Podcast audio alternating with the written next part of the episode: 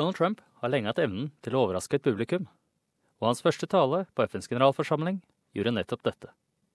Fra å kalle USAs atomavtale med Iran flau til å true Nord-Korea med total ødeleggelse, var det ingen forvirrende hensikt med den snakksalige amerikanske presidenten. Donald Trumps trussel mot Nord-Korea var streng, den var direkte, og den var utvetydig. The United States has great strength and patience, but if it is forced to defend itself or its allies, we will have no choice but to totally destroy North Korea. Trump syntes også å vise lite respekt for Nord-Koreas leder Kim Jong-un, og reduserte ham til et kallenavn. Rocket Man is on a suicide mission for himself and for his regime. The United States is ready, willing, and able, but hopefully this will not be necessary. That's what the United Nations is all about. That's what the United Nations is for. Let's see how they do. Sveriges utenriksminister Margot Wallström sa at Donald Trumps tale var feil tale på feil tidspunkt til feil målgruppe. Mens Julie Bishop, som leder Australias delegasjon i FN, fortalte Sky News at det var viktig å fokusere på intensjonene i stedet for retorikken.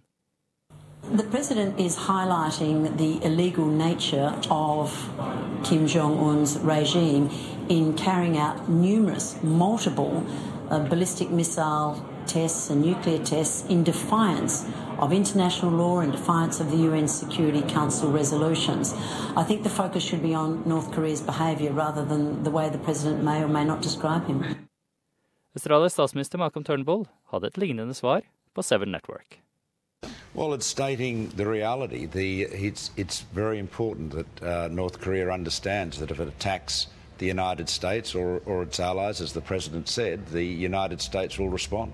Right. And, uh, and, and respond in a way that would end the North Korean regime. I mean, it is, it is, a, it is a situation of increasing gravity and risk, and it is vital that the UN, and this is where the president was speaking, increase the economic sanctions on North Korea so that it can be brought to its senses without conflict. Den amerikanske presidenten angrep også Iran og kalte landet et korrupt diktatur, og kaller den kjernefysiske avtalen med Iran flau. The Iran deal was one of the worst and most one sided transactions the United States has ever entered into. Frankly, that deal is an embarrassment to the United States, and I don't think you've heard the last of it, believe me. It is time for the entire world to join us in demanding that Iran's government end its pursuit of death and destruction.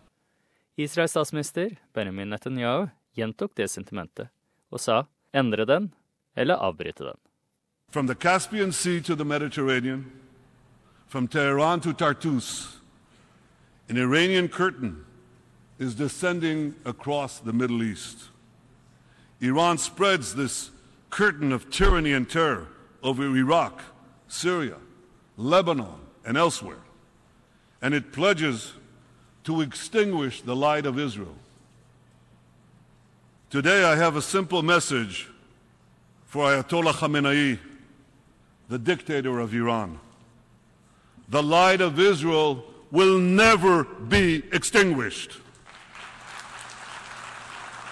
Iran kalte president Trumps tale uvitende hatytringer som tilhørte middelalderen, ikke FN i det 21. århundre. Alt dette kom rett etter at FNs generalsekretær Antonio Guterres hadde oppfordret til statsmannskap. When tensions rise, so does the chance of miscalculation. Fiery talk can lead to fatal misunderstandings. The solution must be political, and this is a time for statesmanship. We must not sleepwalk our way into war. Denne saken var ved Laurie Lavira og Maya Jamison, på SBS norsk. Jeg er Frank Mathisen.